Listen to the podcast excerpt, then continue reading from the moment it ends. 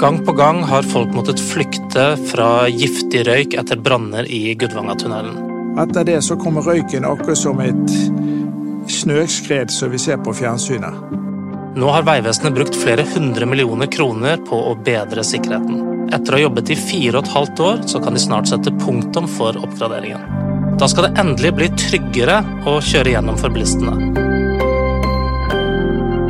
Dette er Hva skjedde? Jeg heter Rune Christoffersen. Vi var på vei innover, inn i Gudvangstunnelen, og det var jo ikke noe mistanke om eh, noe brann eller noe som helst. da. Frode Pedersen er på vei til hytten på Filefjell. Det er en tur på rundt fire timer hjemmefra. Han driver og jobber litt på hytten, så han har med seg en tilhenger. Og datteren Celine på sju år er også med. Er en hel eh, vanlig hverdag. Så var det et par biler som kom imot meg. Et blinkende lys. Men eh, det sa meg ingenting. De hadde jo selvfølgelig sitt der, da. Men eh, vi som kom innover, vi hadde ikke snev av peiling. Frode kjører inn i Gudvangatunnelen, som han kjenner godt etter mange turer til fjells. 6,7 km inne i tunnelen så var det bråstopp. Og da eh, satt vi i bilen, meg og datteren min, et par minutter, og da begynte jeg å kjenne litt sånn røyklukt. Og da eh, Etter det så kommer røyken akkurat som et snøskred som vi ser på fjernsynet.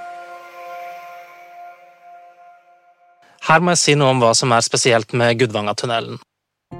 Det ene er at den er over 11 km lang, og med det en av Norges lengste veitunneler. Det andre er at den også har mye stigning. Det går jevnt i oppoverbakke, og faktisk er høydeforskjellen 300 meter. Veien går gjennom et verdensberømt landskap av fjord og fjell. Utsikten er ren nasjonalromantikk, bortsett fra at du mye av tiden er inni en tunnel. Det går altså veldig mye opp og ned, og det kan være et problem for tunge kjøretøy. De risikerer motorhavari på vei oppover og varmgang i bremsene på vei nedover. Og det var trolig det som skjedde med vogntoget som var på vei østover denne sensommerdagen i 2013. Åtte kilometer inne i tunnelen begynner det å brenne, og bak vogntoget kommer Frode og datteren. Og Da var det biler bak meg og biler foran meg, og jeg hadde jo tilhengeren, så eh, det var jo folk som kjørte i meg både bak og foran. og Jeg hadde ikke en tanke for å snu, for jeg hadde ikke hatt kjangs. Og de som prøvde, de mislykkes. Frode og datteren hans er ikke de eneste som kjører seg fast. Rundt dem prøver folk desperat å snu bilene for å komme seg ut, og flere av dem kommer seg ikke videre.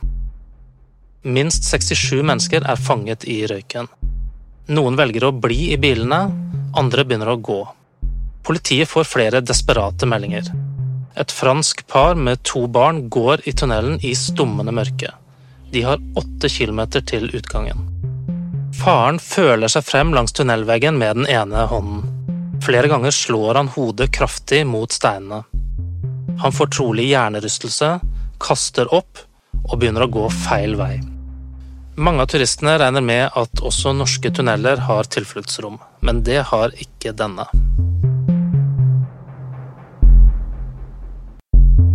Da var det mye panikk inne i tunnelen, og jeg ser folk prøver å snu bilene. og De kjørte i fjellveggen, og hyling og skriking, og, men det var ingen som klarte det. Og jeg sjøl måtte bare komme meg ut og, og få jentungen med meg. da, så... Det skjedde så fort at uh, det som jeg eneste tenkte på, det er at jeg måtte komme ut den veien jeg kom inn. Men, men jeg visste ikke hvor langt inn jeg var kommet. Det var plutselig helt svart. Det kom så kolossalt mye røyk, og det ble plutselig helt stille. Frode og datteren bestemmer seg for å gå den veien de kom fra. Det var så mørkt at de måtte føle seg fram mot tilhengeren for å finne retningen. Og de får bare med seg det aller mest nødvendige. Da hadde jeg tatt med meg et ullteppe og en flaske og hadde jentungen i hånden, da. Men jeg så ingenting. Hvis jeg hadde mistet hånden hennes, hadde jeg ikke funnet henne igjen. Det var helt stille og helt mørkt. Dekkene på bilen smalt, da. Men det var folk som gikk forbi meg, da, men hun så det ikke, bare hørte stemmen deres. Og det var tjukk røyk. Veldig tjukk røyk. Det var skremmende. Utrolig nok så er det brannalarmen som skaper størst problemer for dem som er fanget i røyken. Da alarmen går, blir retningen på ventilasjonen snudd. I stedet for at røyken går ut det korteste stykket, blir den blåst 8 kilometer gjennom tunnelen mot åpningen i Gudvangen. Og Grunnen til det er at det er lettere å slukke når det ikke er røyk på den siden brannvesenet pleier å komme fra. Men det gjorde også at langt flere mennesker ble satt i livsfare. På den ene siden hadde de et brennende vogntog. På den andre siden tett, giftig gass. Det var jo ikke ventilasjon i hele tatt. Du gikk i, i tjukk røyk. Og ingen, og ingen, som kommer inn og hjalp oss heller. Sant? Så, uh, men jeg ringte 113 en gang inn i tunnelen, så den fikk jeg kontakt med, men de sa jo det at de ikke kunne komme og hjelpe oss. De anbefalte vi skulle bare krype langs bakken, men da hadde, hadde jeg ikke hatt knær igjen, for å si det sånn.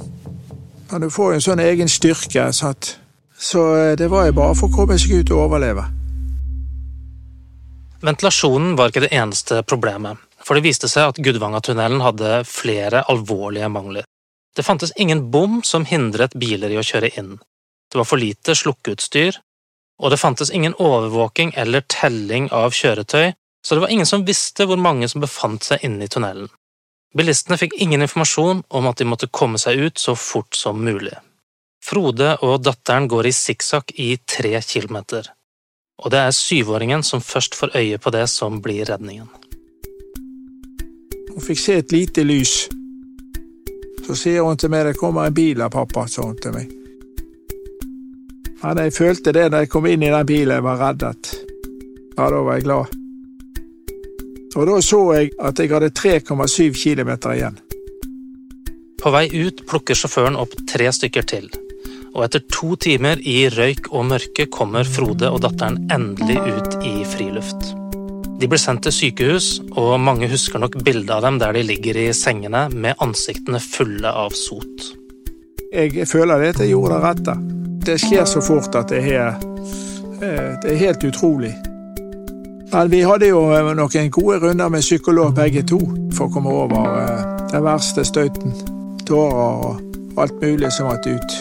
Måtte rett og slett tømme deg for følelser. Hadde det vært en bil vi lastet med giftig stoff, så hadde, da, hadde vi, da hadde ikke vi klart det. Det var tilfeldigheter alt sammen.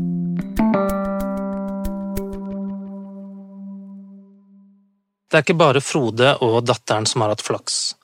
Egentlig hadde Vegvesenet beregnet at det skulle gå 24 år mellom hver gang det brant i Gudvangatunnelen. Men der tok de feil. I løpet av seks år har det vært tre alvorlige branner i tunnelen og mange tilfeller av røykutvikling og motorhavari. Hva slags forholdsregler tar du nå, som du ikke gjorde før? Med den erfaringen jeg sitter med nå, da, så vil jeg anbefale at eh, folk holder avstand, at de har mulighet til å snu, og at de er litt observant på at det er køer. Det kan gjerne være skummelt nok, det er ingen tunnel, altså. I dag kan jo jeg selvfølgelig smile, for jeg vet jo det at jeg har hatt megaflaks. Og alle inne i tunnelen hadde flaks. Det har skjedd mye i Gudvangatunnelen siden dette. Vegvesenet har brukt flere hundre millioner kroner på oppgraderinger. De håper å være helt ferdige til sommertrafikken starter. Da jeg spurte byggelederen i Vegvesenet hvordan folk kom til å merke forbedringen, så sa han at folk kommer sikkert ikke til å skjønne hva vi har brukt 800 millioner kroner på for mye av det som er gjort, er skjult inne i fjellet. Men noe av det viktigste er at de har byttet ut alt nødutstyr i tunnelen. Nå er det dobbelt så mange nødtelefoner og slukkeapparater. Det er montert høyttalere som kan varsle bilistene om at de må snu og kjøre ut, og det er satt inn nye lys og vifter og rømningslys hele veien. Nå skal alt utstyret testes. Denne episoden av Hva skjedde? er laget av Rune Christoffersen, Anna Offstad og Henrik Svanevik.